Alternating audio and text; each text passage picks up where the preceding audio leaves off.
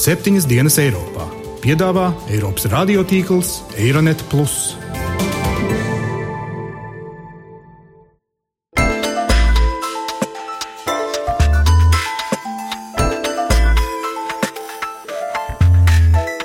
Šonadēļ septiņas dienas Eiropā dzirdēsim.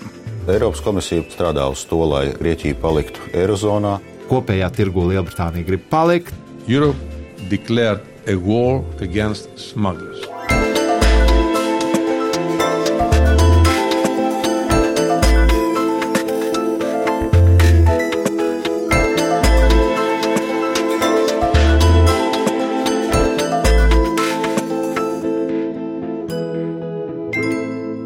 Labdien, godējamie klausītāji! Latvijas radio studijā Kārlis Streips.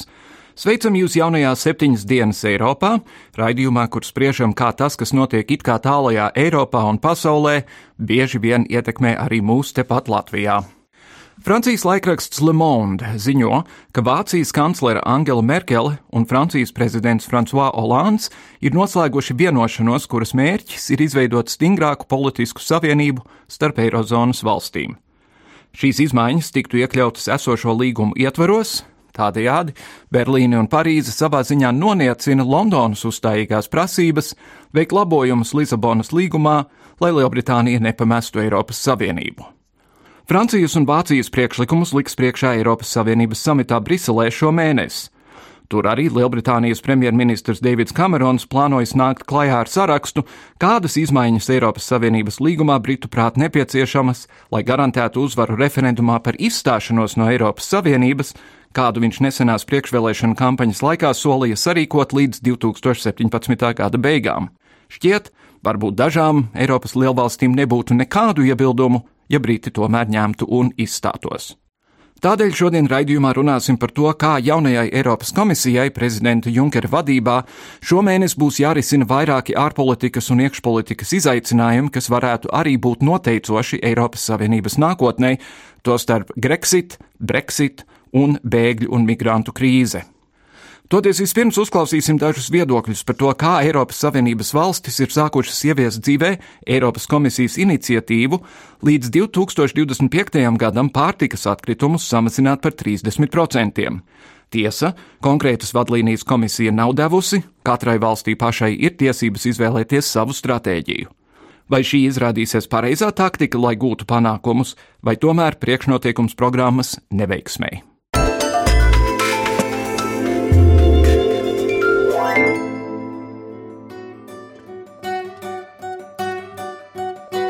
Francija ar Eiropas komisijas iniciatīvu par pārtikas atkritumu samazināšanu liekas ir gājusi vis tālāk.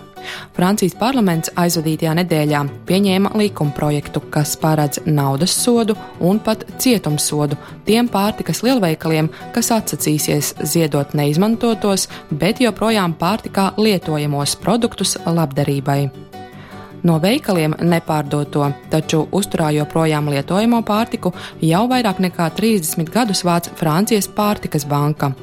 2012. gadā tās 102 struktūra vienības kopumā savāca 63,000 tonnas pārtikas, kas vēlāk tika izdalīta labdarībai. Organizācija spēja darboties pateicoties brīvprātīgajiem, tādiem kā Gais, kurš sarunā uzsvēra, ka ir jau sasniedzis pensijas vecumu, tādēļ agri no rītiem var apbraukāt veikalus.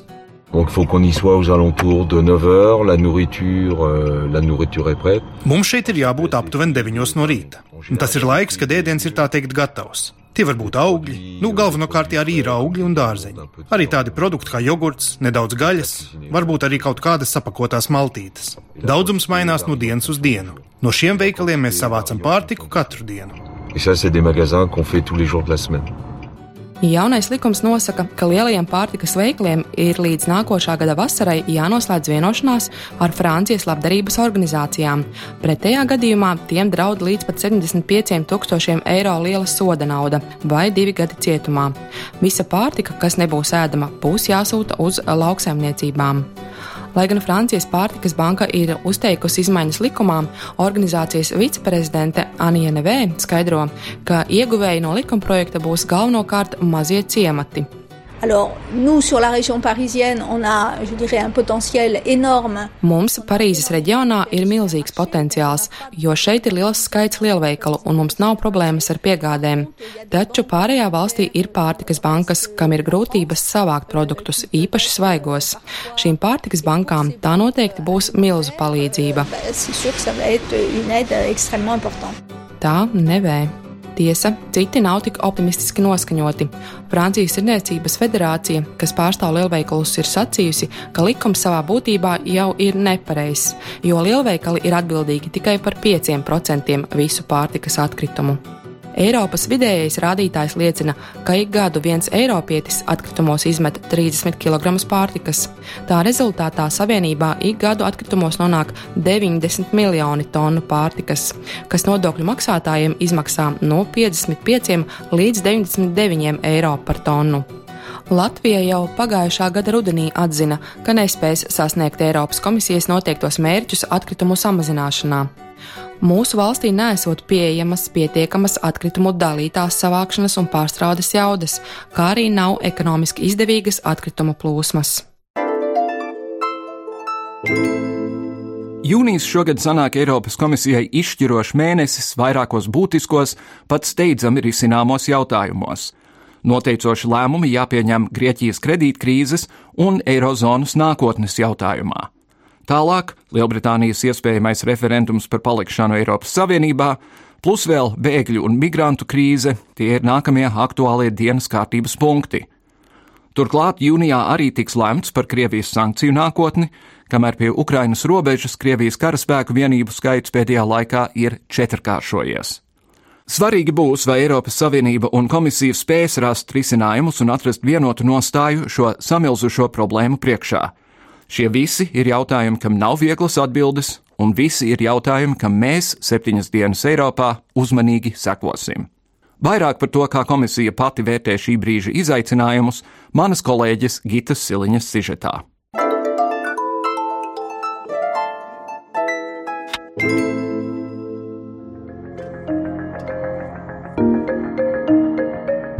Arī pirms došanās vasaras atvaļinājumā Eiropas komisijai joprojām jābūt gatavai virknei ārpolitikas un iekšpolitikas izaicinājumiem, kas varētu būt noteicoši Eiropas Savienības nākotnē.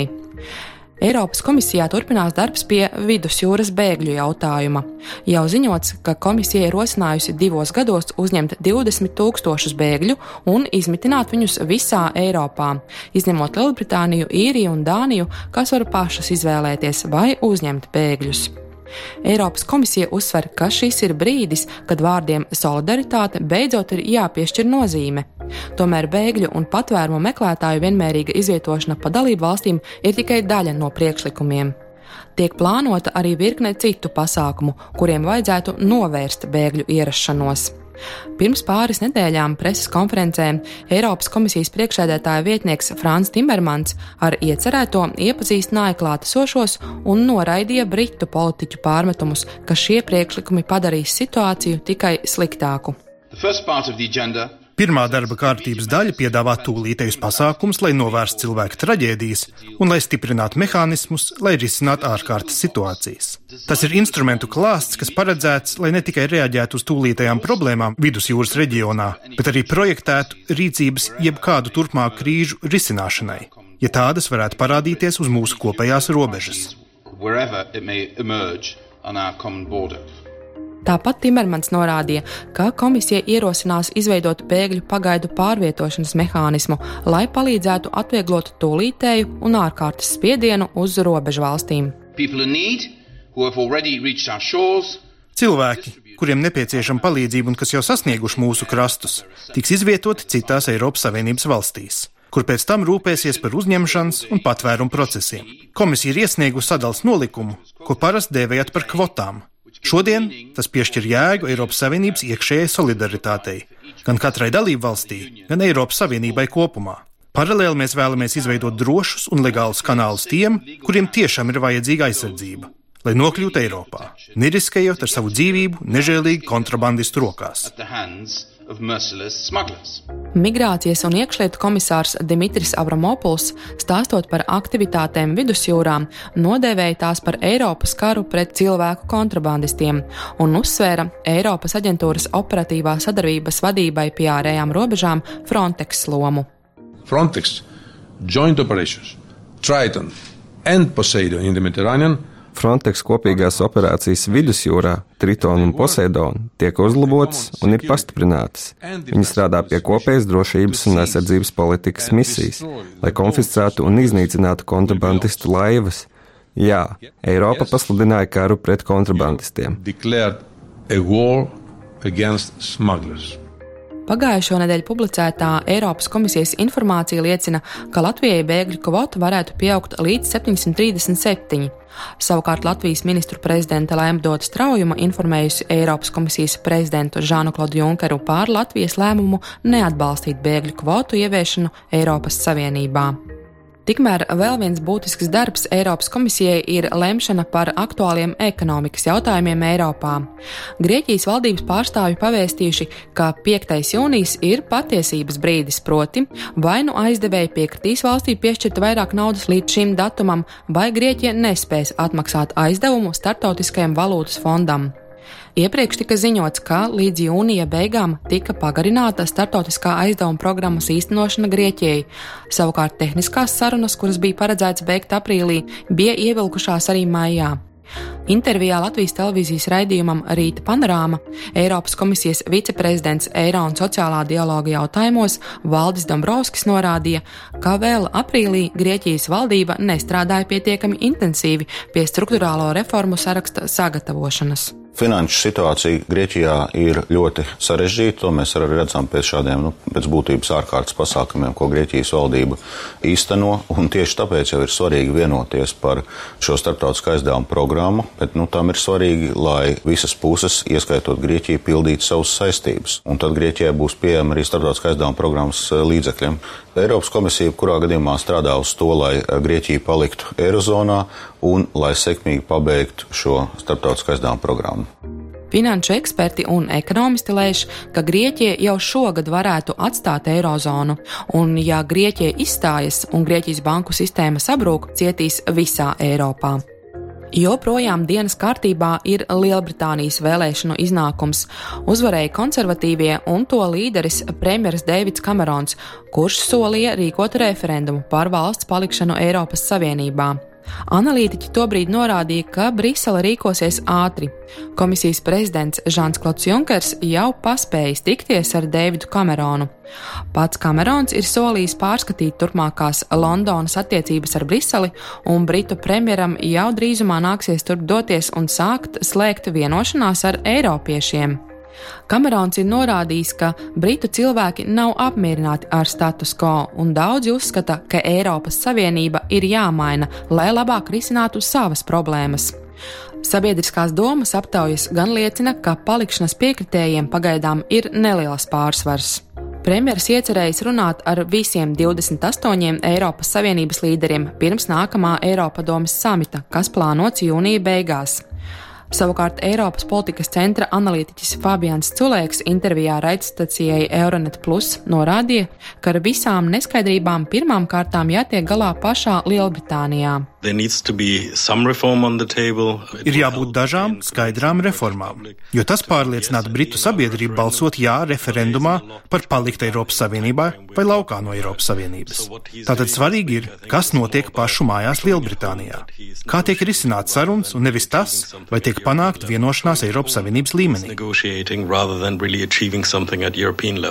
Savukārt analītiķi tiecas pārspriest, vai Eiropas Savienībai ir pietiekams potenciāls apmierināt cilvēku vēlmes gan ekonomikas, vides un migrācijas jomā, gan plašāk, aizstāvot Eiropas intereses pasaules mērogā. Lai noskaidrotu, kā tiek vērtēta Junkera komisijas darbība un kāda ir tās spēja tikt galā ar šī brīža lielajiem izaicinājumiem, studijā esam aicinājuši bijušo Eirokomisāru, šobrīd Latvijas prezidenta padomnieku Andri Piebalgu. Labdien! Labdien! Sāksim ar to, ka Eiropas Savienībā dalību valstīm ir atļauts izstāties no dažādiem projektiem, un cik es saprotu, tādi tā dēvētie optauti pat labi ir Lielbritānijai, Dānijai, Polijai. Un... Polijai nav. Polija ir atteikusies no, no sava optauta attiecībā uz pamatbrīvību hartu. Viņiem bija uzrakstīta protokola, bet viņiem principā nav sava optauta. Optauta ir tiešām Lielbritānijai, tad ir Īrijai un Dānijai. Un Dānijai. Un jautājums ir, kāpēc Eiropas Savienība to pieļauj, ja visiem citiem ir jāievēro attiecīgie noteikumi? Tas varētu teikt diezgan gudra sarunu vešana tajā brīdī, kad šīs valsts iestājās Eiropas Savienībā. Protams, neviens negrib optautus. Jā, tas ir viss cīnās cik vien var un jāņem vērā, ka gan Lielbritānija, gan Īrija, gan arī Dānija iestājās iestājās kaut kad agrāk, un tajā brīdī viņi teiksim, iezīmēja sfēras, kurās viņi neņems aktīvu dalību. Tā skaitā, piemēram, valūtas jautājumā. Jā, tā skaitā arī īrija nav īrija, tas vairāk attiecas uz, Schengenu, uz brīvu kustību un policijas sadarbību, bet Dānija un Lielbritānija viņiem nav pienākums iestāties Eirozonā, tā pašā laikā Zviedrija ir pienākums iestāties Eirozonā pēc līguma. Skaidrs. Bet, ja Zviedrija tagad paziņotu, nē, mēs tomēr negribam, vai jūsuprāt, Eiropas Savienība to pieņem? Viņa, nē, viņa pārkāp līgumu, viņa pārkāp pašu savu likumu, jo viņi paši ir ratificējuši to, jā, jo faktiski Zviedrijas, teiksim, situācijā ar eiro ir līgums nepateicis, kad viņiem jāiestājas, un viņi uz to faktiski spēlē, bet pēc būtības Zviedrija būs vienā mirklī eirozonas valsts. Kā jūs vērtējat to, ka pat labāk Lielbritānija cenšas pārkārtot visu Eiropas Savienības sistēmu, Kameronam sakot, ka ja nē, tad būs referendums, kurā Briti iespējams izstāsies? Man īstenībā ļoti žēl, ka šis process iet, jo Lielbritānija spēlē ļoti nozīmīgu lomu Eiropas Savienībā, gan no, teiksim, tās angļu sakšu mentalitātes pārstāv un tas pieeja problēma risināšanai, gan arī tā, protams, ir liela valsts un, un, un pietiekami ilgi bijusi Eiropas Savienībā. Tā kā es jebkurā gadījumā nepriecājos par to procesu, kas notiek, bet skatoties visus apstākļus, ir, protams, viena būtiska problēma. Šobrīd lielākā daļa teiksim, integrācijas saistās ap eirozonu un Lielbritānija nav šajā eirozonā. Tad vajag atrisināt šo jautājumu, kā Lielbritānija piesaistīt procesā, kurā viņa īstenībā negrib iesaistīties. Jo tas ir gan mūsu interesēs, gan Lielbritānijas interesēs. Un otrs, man liekas, kas arī ir jāatbild, UKIP faktiski savu sākotnējos panākumus guva uz anti-Eiropas kampaņas pamata. Līdzekļus, ko viņi izmantoja, protams, nevar teikt saukt par korektiem, bet uh, ir tomēr svarīgi, ka šī diskusija vienreiz beidzās. Un tad labāk ir tomēr atbildēt uz šo referendumu nekā neatbildēt. Es varētu varbūt salīdzināt ar mazāk, ar vairāk dramatisku notikumu. Tas ir referendums par latviešu valodu kā vienīgo valsts valodu Latvijā. Es, protams, nepriecājos, ka šis referendums tika sasaukts, bet tajā pašā laikā rezultāti ir tik skaidri, ka vairāk pie šī jautājuma Latvijas vēsturē mēs neatgriezīsimies. Un ļoti skaidrs, ka cilvēki pateiks tik skaidri savu gribu. Es domāju, tas pats ir arī Lielbritānijas gadījumā. Jā, cilvēki pateiks ļoti skaidri savu gribu, un es rēķinos tomēr ar to, ka viņi pateiks jā Eiropas Savienībā, tad šis jautājums vairs politiski nav manipulējams. Bet es domāju, ja, ja gadījumā tiešām nonāks līdz referendumam, puslīdz garantēts ir tas, ka Lielbritānijas uzņēmēja darbība teiks nekādā gadījumā, tāpēc, ka mums ir labāk būt Eiropas Savienībā nekā būt ārpus tās ja teiks nē, absolūti noteikti. Vai ir jūsuprāt vērā ņēmami argumenti par to, kāpēc kādai dalību valstī vajadzētu stāties ārā no Eiropas Savienības? Īstenībā tas ir tā diskusija, cik lielā mērā jūs varat pārliecināt savus cilvēkus, ka lēmumi, kas pieņemti Eiropas Savienībā ar kvalificēto balsu vairākumu, tomēr nav pretrunā šīs valsts suverenitāte. Tas ir diezgan sarežģīts un jūtīgs. Tas ir jautājums, kā cilvēki izjūt to. Un mums jāņem vērā to, ka Lielbritānijas teiksim, publikas mentalitāte ir atšķirīga no kontinentālās Eiropas. Mums gāja te kari un mums visādas problēmas. Neviena valsts nevar teikt, ka no viņas vēsture pēdējās simts gadu laikā ir tāda ļoti, ka valsts faktiski aizstāvēja viņus pilnībā. Britijas gadījumā, protams, viņi iznes gan Pirmo pasaules karu, gan Otro pasaules karu, un uzticība valstī ir stipri lielāka. Tā rezultātā, jebkura kritika, kas mēs zaudējam suverenitāti, atstāja daudz dziļākas sekas. Tāpēc man šķiet, ka Lielbritānijas gadījumā Redzēsim, kā cilvēki nobalsos, bet es ļoti ceru, ka būs pozitīvs rezultāts, un tam priekšnosacījumi ir divi. Pirmais, ka Kamerons, un tagad viņš ir laikam Berlīnē, atrod ar Eiropas Savienības dalību valstīm kompromisus kādos jautājumos, kādos viņam vēl jāiezīmē. Viņi taisīja tā saucamo kompetenci katalogu. Šajos mēs gribam, šajos mēs negribam. Es domāju, ka dažos gadījumos var, protams, atrast kompromisu, dažos būs neiespējami atrast. Nu, teiksim, brīva personu kustība, šeit kompromisa nevar būt. Jā, un Kameronam būs jāiet uz referendumu, kur viņš var pateikt, ka nu, to viņš nevar atrisināt.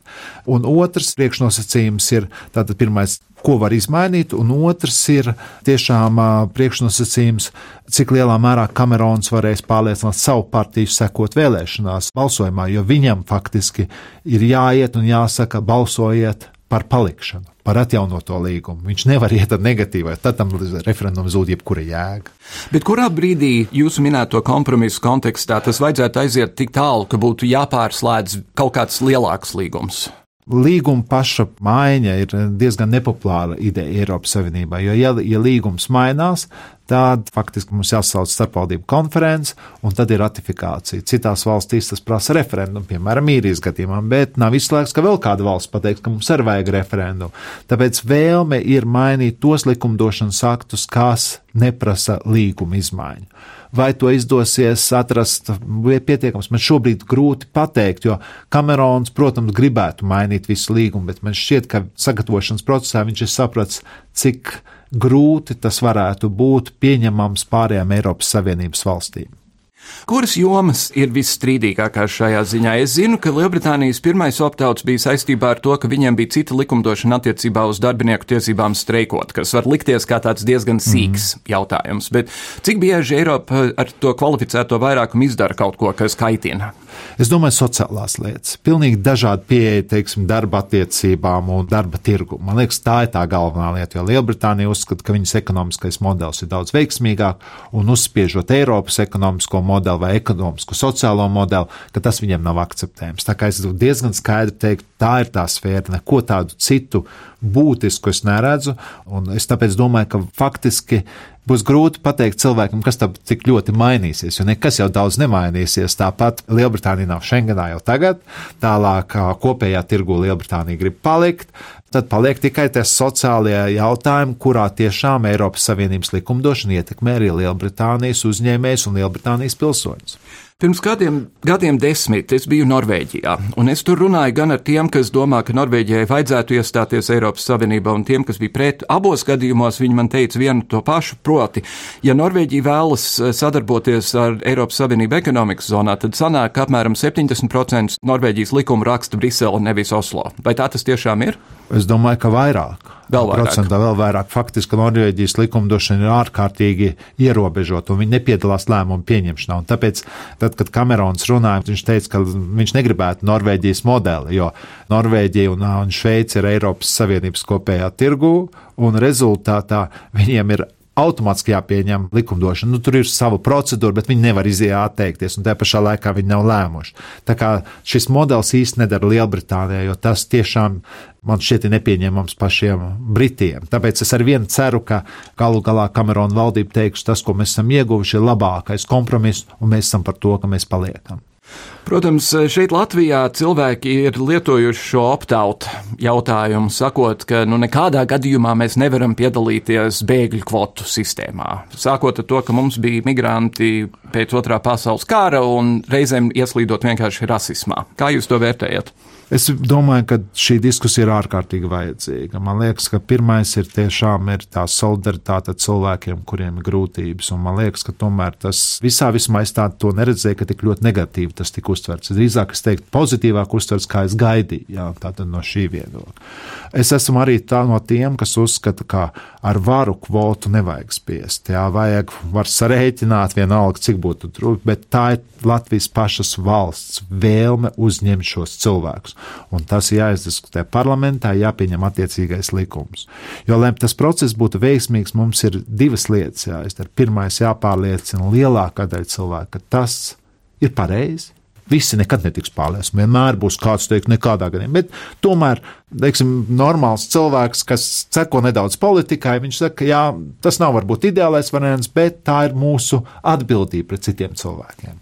Un otrs, mums ārkārtīgi nopietni jāsagatavo teiksim, šo cilvēku uzņemšana.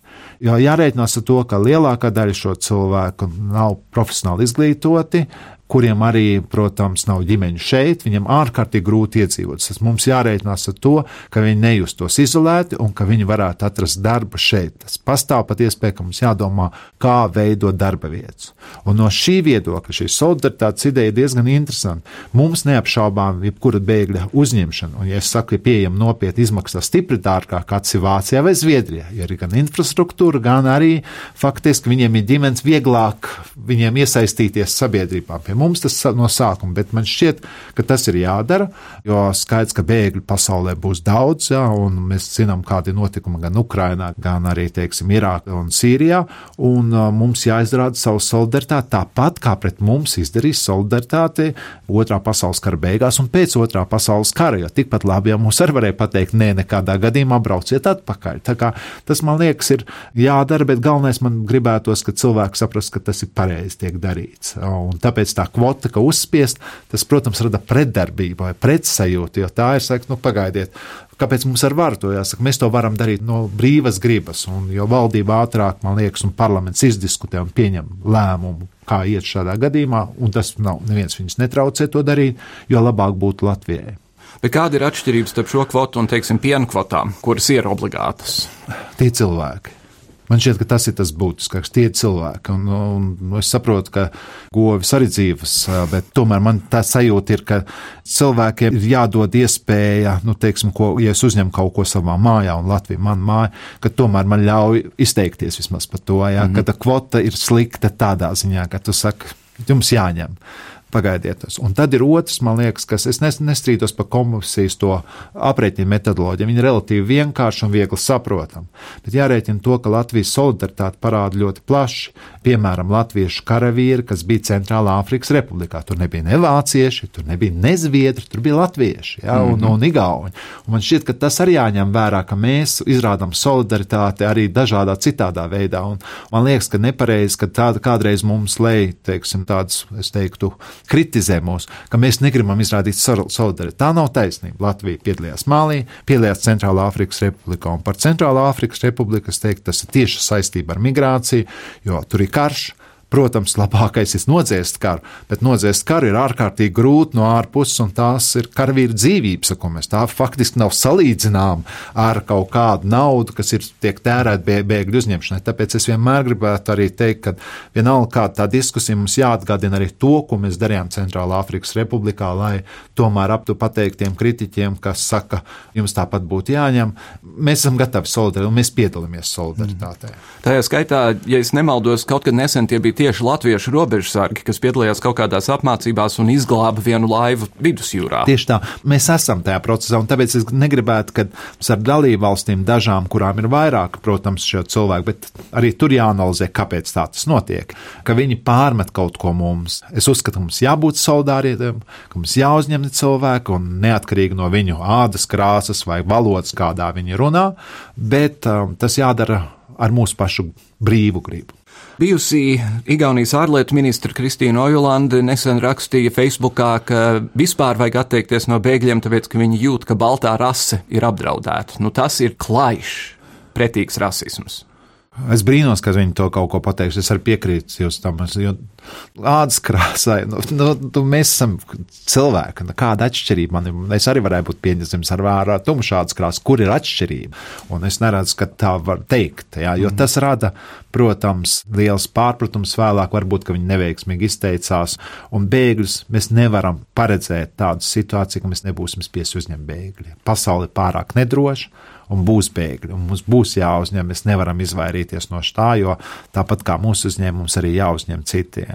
Tajā pašā laikā tas, ko es gribu teikt, kas ir ļoti svarīgi e, ņemt vērā, ir tas, ka komisija arī parīt cīnīties ar tiem cilvēkiem, kas mēģina bēgļus virzīt uz Eiropas Savienību, un, jo tā ir industrija, un tur mums ir jāatbalsta komisija maksimāli, lai šī cīņa būtu maksimāli efektīva un neapstātos tikai tāpēc, ka kaut kādas. Es domāju, ka ļoti labi tagad ir atrisināta lieta ar cilvēku glābšanu jūrā, jo to, ka cilvēki grimstā un iet bojā, un tad tiek skalot līdzi vidusjūras krastā, tas arī nav pieņemami. Un trešais, protams, ka tie, kuriem nav jābūt šeit, viņi jāsūta atpakaļ. Protams, par to nav nekādu šaubu, jo mēs nevaram uzņemt visus a priori. Tiem, kam ir pamats un kas var pierādīt to, tie paliek. Pārējie, protams, atgriežas savās mītnes zemēs, neko mm -hmm. nevar darīt. Turklāt rasismam ir arī sava liela joma liekulības. Piemēram, VEFs atguva Latvijas basketbola līgas čempionātu, un es nedomāju, ka kāds īpaši kreņķējās par to, ka laukumā bija trīs vai četri tumšādaini spēlētāji no Amerikas un citurienes. Mans priekšstats ir, ka uh, mēs esam īstenībā ļoti toleranti kā tauta, bet mēs kādreiz izsakamies diezgan muļķīgi dažreiz. Un tas dažreiz bēdina, bet es domāju, ka tas tiešām ir izteiciens, ko mums kādreiz vajadzētu padomāt, ka tas nav pareizi pat tā runāt. Tā, tas ir, jo ļauni netiek domāts, bet tā vai tā, un, un protams, mēs esam atvērta pasaulē tauta. Mēs neesam ieslēgti, un, un es biju pārsteigts, ka kādā aptaujā, ka mēs esam visvairāk pret kaut ko. Nu, nav tā pēc būtības. Mēs neesam esam noteikti, noteiksim, rasistiskāka tauta vai netolerantāka kā jebkura cita tauta Eiropā. Es drīzāk teiktu, ka mēs esam viena no visatvērtākajām. Nu, par to droši vien var strīdēties, bet lai tā paliek. Jūs teicāt, ka ir jāšķiro tos, kuriem ir pamats un kuriem nav pamata. Ņemot vērā to, ka Āfrikā pat laban ir savs pusducis valstu, kas būtībā ir absolūtākā haosā - Lībija, Somālija, vēl dažas. Kā šķirot, kurš no tiem tiešām jūtas apdraudēts un kurš nē? Jā, ir noteikts procedūras, kas jāievēro. Jo faktiski, pēc mana viedokļa, šobrīd, kurus es gribētu teikt, kuriem ir pamats cilvēkiem, bet varbūt ne visiem. Tā ir Eritreja, jo tā ir diktatūra. Somālija, es teiktu, vairs nav tajā statusā, kā bija. Mēs esam finansējuši pietiekami dabu Āfrikas spēkus, un lielākā daļā Somālijas īstenībā vairs nav karš. Jā, mm. Es neredzu, ka Somālijam būtu kaut kāds īpašs pamats palikt. Toties Lībijā patiesībā nav īsti valdības. Jā, bet Lībija ir nedaudz sarežģītāka. Lībijas problēma mums ir nevis tāpēc, ka lībieši brauc pie mums, bet kā dažādi ir, teiksim, gan cilvēki, kas grib nopelnīt, vai arī kaut kādu politisku mērķi, mēģina maksimāli izmantot šo bezvaldības situāciju, lai vestu cilvēkus pāri jūrai.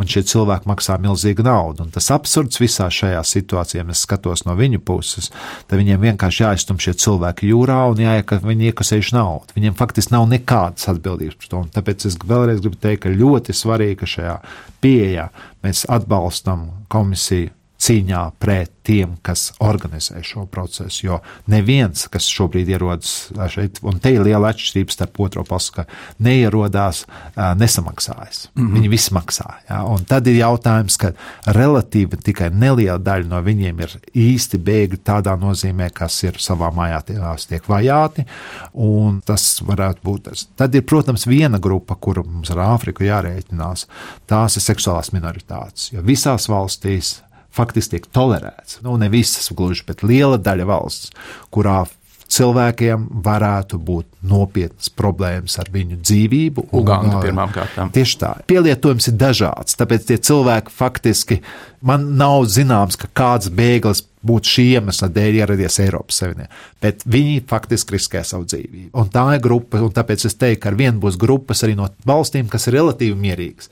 Bet tā nav lielākā daļa bēgļu. Tā ir ļoti neliela bēgļu grupas, kas būs politiski vai, teiksim, viņu cilvēku tiesības būs apspiestas. Tā kā vienmēr būs tāda, bet tie nav tūkstošiem cilvēku. Nu, jā. Bet, lai apturētu tos, kas caur Lībiju sūta tos bēgļus, to nevar izdarīt bez Lībijas līdzdalības. Un, ja Lībijā nav īsti neviena ar ko runāt, ko tad darīt? Izvietot flotilu vai vidusjūrā? Nē, tā tik slikti nav. Mogherīnī bija augstā pārstāve ANO, un, protams, viņa prasīja ANO rezolūciju. Tas, protams, atrisina. Jā, grūtības ir, jā, kā parasti, kad patstāvīgās valsts drošības padomē, kā pārliecināt Krieviju un Ķīnu atbalstīt, bet uh, tas ir izdarāms, un es runāju vēstnieku Ņujorkā, un viņš ir piesardzīgi optimists, ka tāda rezolūcija tiks pieņemta, jo, protams, ja tās netiek pieņemts, tad vēl vairāk cilvēki ies bojā, jā, un tas nav jebkurā gadījumā. Un plus vēl nāk viena lieta, kas jārēķinās Viena varbūt skar mūs caur šo bēgļiem, kas nāk pāri jūru vai arī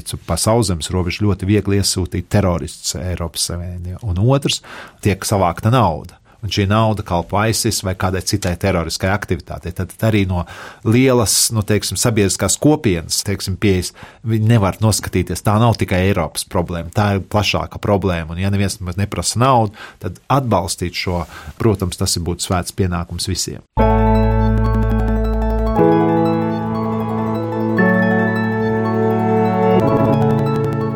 Pats pēdējais jautājums, kas jums tagad stāv priekšā? Jūs esat padomnieks prezidentam, kurš drīz vairs nebūs prezidents.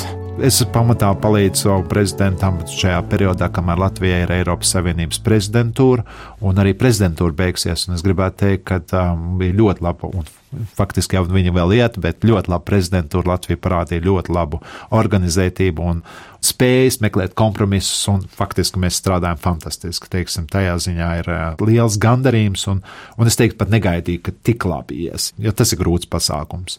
Tad redzēs, es pagaidām nekādus lēmumus neesmu pieņēmis, bet, protams, es reiķinos ar to, ka man jāatrod būs nodarbošanās, tā būtu precīzāk. Droši vien būs otrā kārta valsts prezidenta vēlēšanās. Tajā es varu droši jums teikt, ka man sarakstā nebūs, bet es ar vienu uzskatu, ka saimēji vajadzētu papūlēties ievēlēt prezidentu pirmajā kārtā. Ar to domu arī beigsim mūsu interviju. Andris Piebalgs, paldies jums par sarunu. Paldies, Kārli! Trimdas latviešu rokgrupai Bābena Latvijas 80. gados bija hits. Ja tu gribi, tad es gribu, vairosimies Latvijai. Mēs septiņas dienas Eiropā atbalstām pamatdomu, bet uzskatām, ka ne tikai tautas kvantitāte, bet arī kvalitāte ir nosvara. Katoliskā īrija ir kļuvusi par pirmo valsti pasaulē, kur vienzimuma laulību reģistrēšana tika atļauta pēc balsojuma vispārējā tautas referendumā. Notikumu komentēt aicinājām Domnīcas providus politikas analītiķi Mariju Golubevu. Nu, godīgi sakot, mani tas nepārsteidz, jo es jau sen secināju, ka iemesls, kāpēc dažās valstis Eiropā tik krasi atšķiras attieksmi pret uh, vienzīmumu partnerattiecībām vai laulībām, ir drīzāk komunismu mantojums nekā um, reliģija. Jo mēs paskatīsimies uz, piemēram, Spāniju, tā ir ļoti, nu, es teiktu, izteiksmīgi katoļu valsts. Un tajā jau sen likumi, kaut gan ne caur referendumu, bet tik un tā jau ļoti sen ir pieņemti likumi, kas ļauj šādas ģimenes formas reģistrēt. Un attiecīgi mēs nevaram teikt, ka tajās valstīs, kur ir katoļu mantojums, tur tieši ir sliktākā attieksme pret vienzīmumu partnerattiecībām. Sliktākā attieksme ir valstīs, kur ir komunismu mantojums. Tas ir diezgan izteikti. Ar to arī izskan šīs nedēļas septiņas dienas Eiropā. Mīļie tautieši, mēs par to bēgļu jautājumu varam runāt, mēs varam par to spriest, mēs varam par to diskutēt, bet tajā brīdī, kad kāds uzskata, ka bēgļus nevar pieņemt tikai tāpēc, ka bēgļiem ir cita ādas krāsa, tā vairs nav saruna. Tie ir aizspriedumi, tie ir pretīgi aizspriedumi, tas ir rasisms, un no tā ir jātiek vaļā. Mans vārds ir Kārlis Streips, mēs atgriezīsimies šajā pašā laikā nākamnedēļ. Pagaidām visu labu!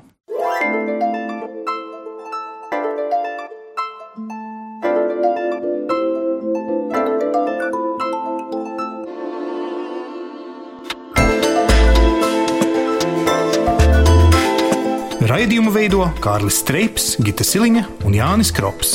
Producents Lukas Rozītis.